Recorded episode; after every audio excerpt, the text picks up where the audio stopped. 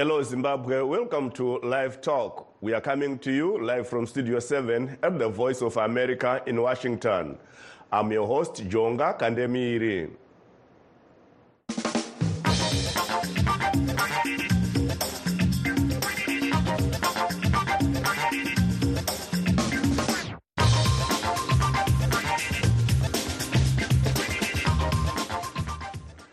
Today on Live Talk Diaspora Forum, we are talking about 2024 expectations of Zimbabweans living outside the country.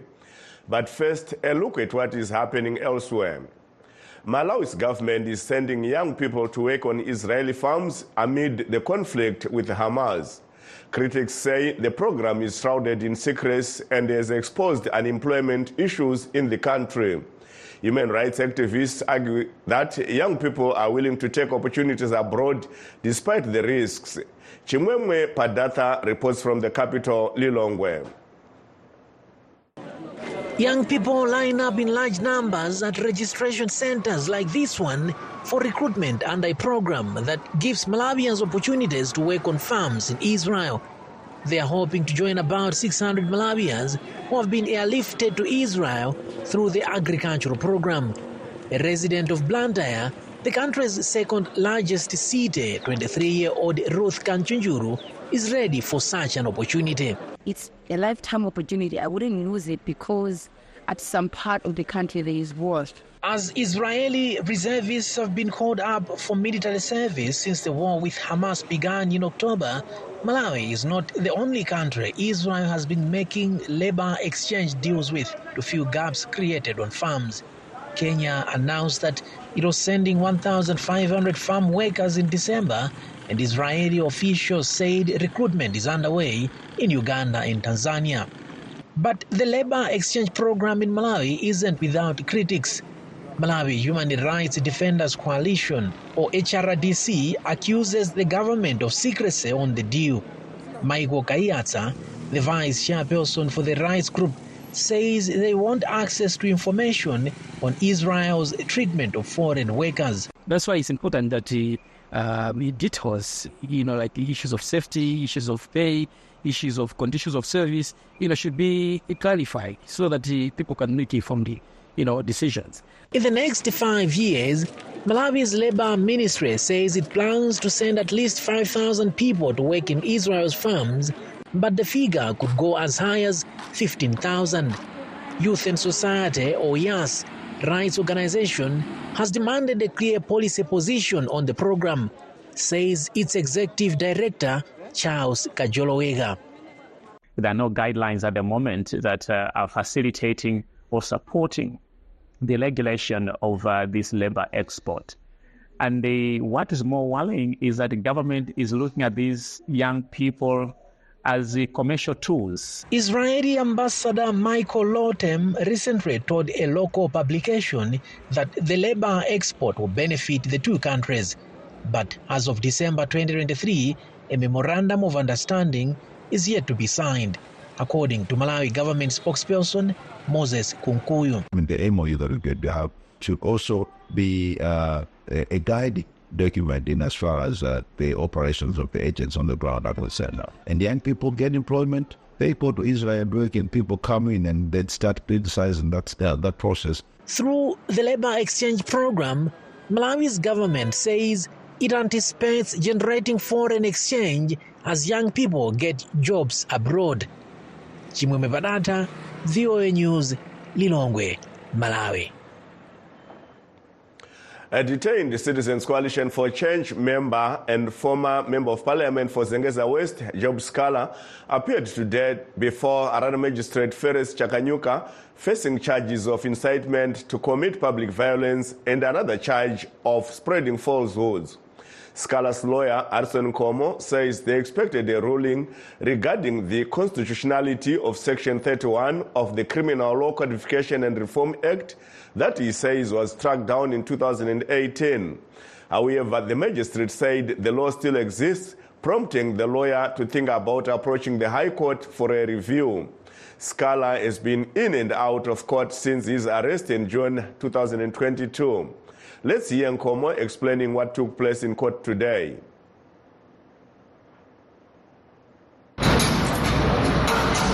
We have just come out of court wherein we expected uh, a ruling from the magistrate regarding the constitutionality of Section 31 of the Criminal Law Codification and Reform Act, which basically is a piece of legislation that criminalizes uh, publishing uh, or publishing or communicating falsehoods prejudicial to the state. Obviously, as journalists, you are aware uh, that this matter uh, has got history, especially Section 31. In 2018, journalists took the matter to the Constitutional Court, and the Constitutional Court then ruled that Section 31 of the Criminal Law Codification is inconsistent with the basic fundamental human rights regarding freedom of expression. To that end, it was struck out the statute books of this country. So it was in the on the background of that matter that uh, in the case of Sikala we challenged the charge of communicating and uh, public falsehood because it is no longer part of our law. Sadly, to Mr. Sikala, the court has ruled that the law transformed itself. How it revived, we don't know, because what we understand is once a, a, a, a law has been struck out from the statute books, it does not see light of day. There has to be a way of it resurrecting. But the court ruled that it uh, resurrected, which is a position that we respectfully disagree with. We shall therefore take the matter to the High Court for review. That notwithstanding, uh, we have to also proceed with this particular trial on Friday, the 5th of January 2023, before the same magistrate.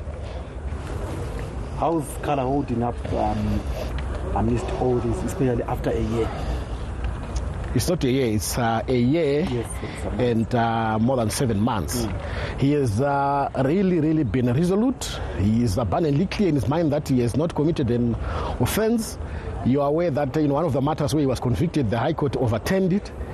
And uh, as, it, we, as matters stand, he remains an unconvicted inmate at Chikurubi Maximum Prison. And he's uh, very hopeful that uh, uh, all the charges are going to fall apart and is confident that he did not co- commit any crime. On this matter, what charges, what false did he communicate? What does it say? It is alleged that he, on his Twitter account, he posted uh, a child who was bleeding profusely and uh, alleged that uh, it is uh, barbaric in this day and age for one to strike a child with a button stick. And they were saying that the child was not dead. And uh, that, that that is the foundation of, uh, of the charge. But uh, it is to be clear in your minds that he does not agree that he posted the Twitter account. I mean, he posted on the Twitter account, and all the contents of that message which are being attributed to him, he denies them. Uh, that was Harrison Nkomo, a lawyer representing Job Sikala of the opposition Citizens Coalition for Change. Back to our main topic. Some Zimbabweans in the diaspora say they expect the economic situation to worsen this year due to drought caused by the El Nino phenomenon and issues of governance. This will force them to send more remittances back home in 2024. However, for some, especially those aligned to the ruling party, ZANU PF, they remain positive, saying resilient Zimbabweans will find many ways of surviving under the tough economic conditions. Let's hear from you, Zimbabweans in the diaspora and back home. What do you expect in 2024? Please stay tuned as we take a brief break. In times of change, when the world seems uncertain and what we hear doesn't reflect what we see, we seek the truth. When we are told only part of the story, we lose trust. In moments of crisis, our dreams, hopes, and wishes for a better tomorrow depends on a free press. At Voice of America, we bring you the stories that people take risks to see. We connect the world and unite it with truth. At Voice of America, we show you the whole picture. Uh, for those that have just joined us, please note that we are streaming live on our Facebook pages VOA Shona, VOA Studio 7, and VOA Ndebele. We are also live on YouTube, VOA Zimbabwe. Today we are discussing what Zimbabweans in the diaspora expecting or are expecting in 2024.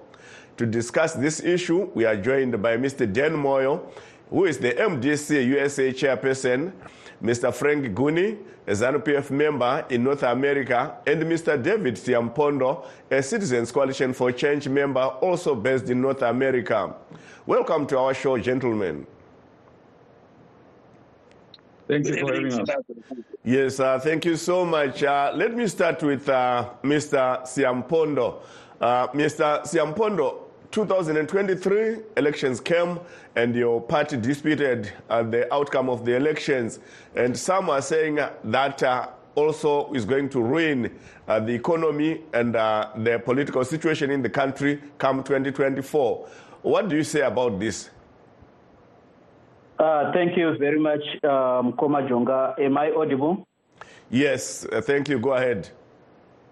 Yeah, uh, thank you. Um, and uh, compliments of uh, the new year uh, to you and uh, all Zimbabweans.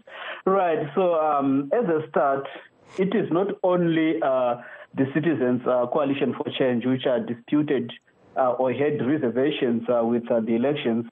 you will find that a lot of, um, or, or, almost all observer missions, they did dispute or put reservations on, on the outcome of these elections.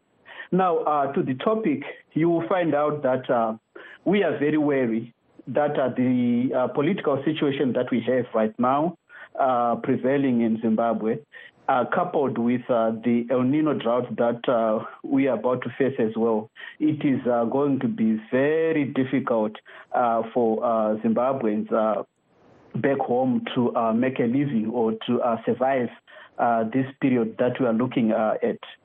So uh, basic fundamental human rights, uh, when they are broken down, they uh, place a big toll on the diaspora.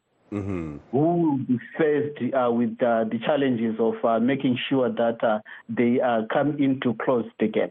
Thank you so much. So broken, Yes, uh, I'll come back to you, uh, Mr. Siampondo. Let me uh, go to Mr. Den Moyo. Mr. Den Moyo, your party MDC, we saw that it ended up not fielding candidates in uh, past elections. And some say, whatever the problems that the country is facing in 2024, your party should not have any word or a say in this because it did not participate in the elections. What's your take on that? Well, it, it was unfortunate. Uh, we, we have our own internal um, disputes within the party. Uh, we don't agree with the current leadership. So um, those are issues that still need to be ironed out we need to go to a Congress uh, that is um, structure based that supports the grassroots.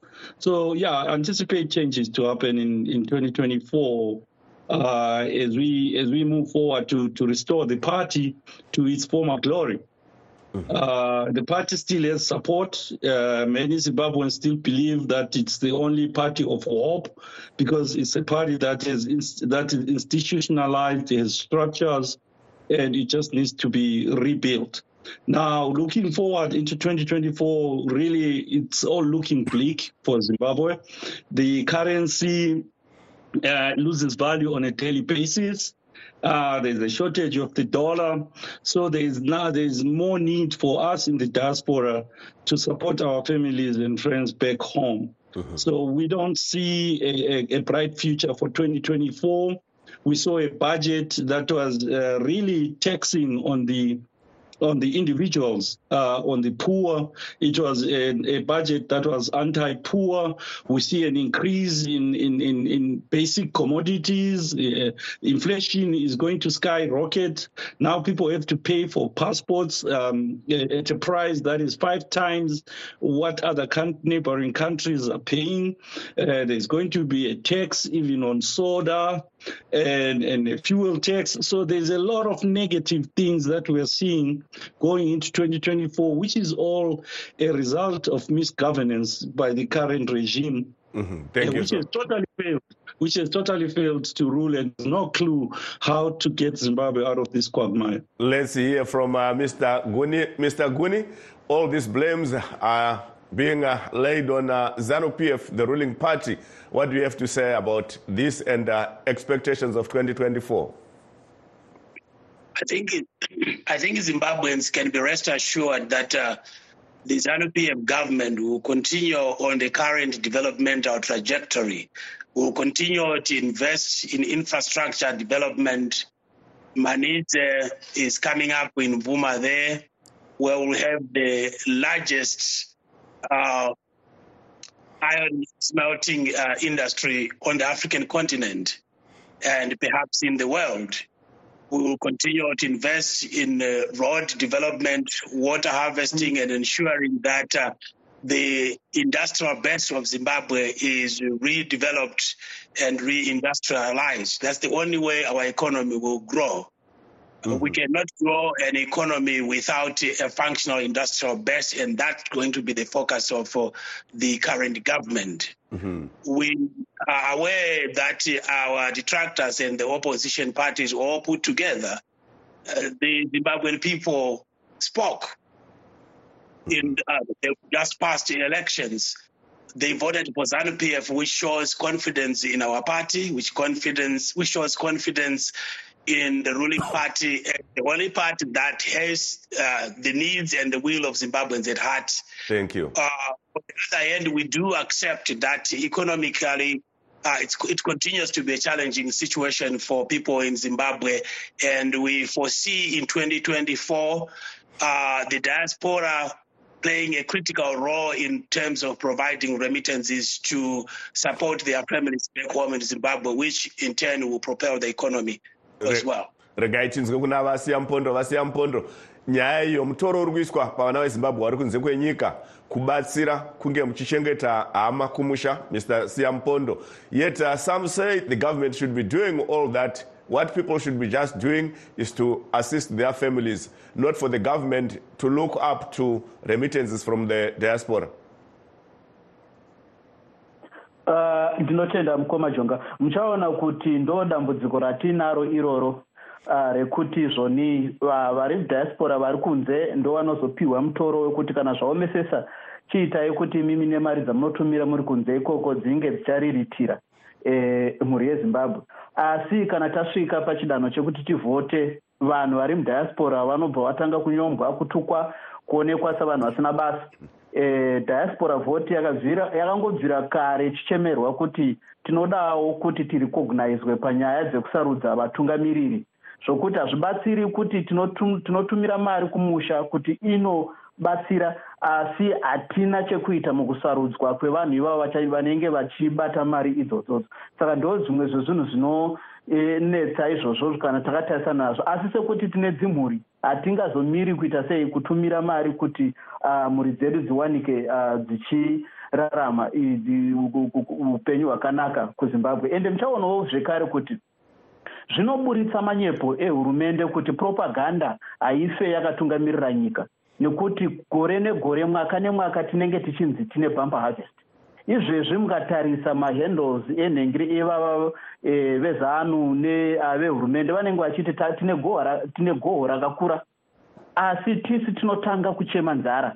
Munyika dzese dziri musadhaki kuti tapererwa nechikafu tisi tinokurumbidza kupererwa nechikafu kudarika vamwe vese. Tisingazivi kuti tinodyisa here kana kuti takadii. Asi chokwadi chinenge chiripo ndechekuti hakuna goho ratinenge tinaro. Hurumende haisi kutsigira agricultural sector yedu zvakakwana muchaona kuti mainputs nezvese zviri kupiwa kune vanhu vezanu ava vanonototengesa hapana production inoitwa inoita kuti tinge tine goho rakakwana rekuti kana nzara yauya seyatatarisana nayo muna 2024 tiwane tine chekubatsirika nacho kubva mudura rehurumende izvezvi dura rehurumende harina charinacho ringo rimwe ringo- ringo rimwe yachete nemepo Thank you so much. Uh, Mr. Denmoyo, the economy, people look up to uh, minerals, agriculture, and uh, other resources that uh, the government has at its uh, disposal to assist or help uh, prop up the economy. Do you see any of the sectors helping to prop up the economy in 2024? Yeah, the problem we have is, is looting in the country. Uh, the country is well endowed with, with minerals, um, but unfortunately, um, the minerals are being looted by ZANU-PF. We saw what happened with the Chiadzwa diamonds. We saw what happened, what's happening with the gold mafia. So even if the country has all those minerals, they are benefiting only a few individuals. And going to what um, Dr. Guni was saying on infrastructure, those are just promises. We every time we go to elections, we hear these promises from ZANU PF. Uh, but nothing really comes comes to pass.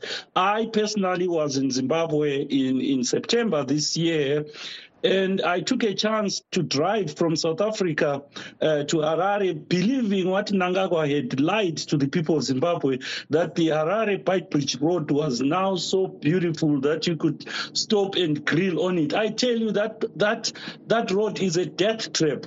It took me 10 hours to get to Harare, a journey that I used to take me five hours before, because there are so many detours. They only they only um, maintain the road for certain distances. Then there's a detour which is longer than the maintained road, and those detours are there all the way till you get to Harare. And now they are increasing toll gates. The toll, toll gate prices, and people now will have to pay more tolls for roads that are non-existent.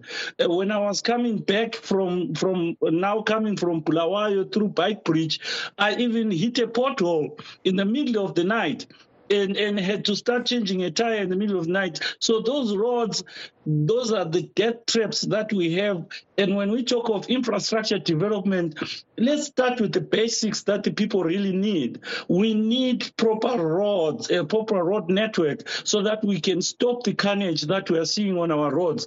Let's stop lying. Let's ZANU-PF should stop lying to the people that they have they are working on infrastructure projects when in fact they are working on projects to enrich themselves. Mhm. Thank you so much, Mr. Moyo. Mr. Guni, as you heard from uh, Mr. Moyo and uh, Mr. Siampondo and others Zimbabweans, they are saying that ZANU-PF, the ZANU-PF government is uh, misplaced on uh, when it comes to priorities and uh, also lies, as what uh, Mr. Delmoyer said. What's your response? Well, it's very clear. I'm glad that my brother, Mr. Danny Moyo, was able to drive through detours. It means the actual road was being constructed. That's why there were detours. I can pinpoint a specific number of infrastructure development projects. Hwange number seven, Hwange number eight. Like I mentioned, Manhize iron smelting in Mvuma. Uh, we, we are working flat out to ensure, that, but these are infrastructure development projects. They don't take two months, three months. These are long-term projects. We don't get to see the yield in a short term. They are they, they take time. Uh, and also, notwithstanding the fact that uh, when the current government took over, the infrastructure of Zimbabwe had gone really, really down, and now we are rebuilding.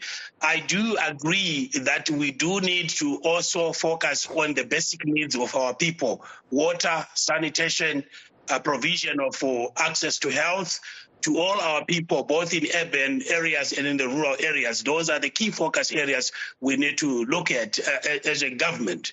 Uh, and we will continue to do that. Going back to what Mr. Siampondo was saying, I don't know which country is he referring to.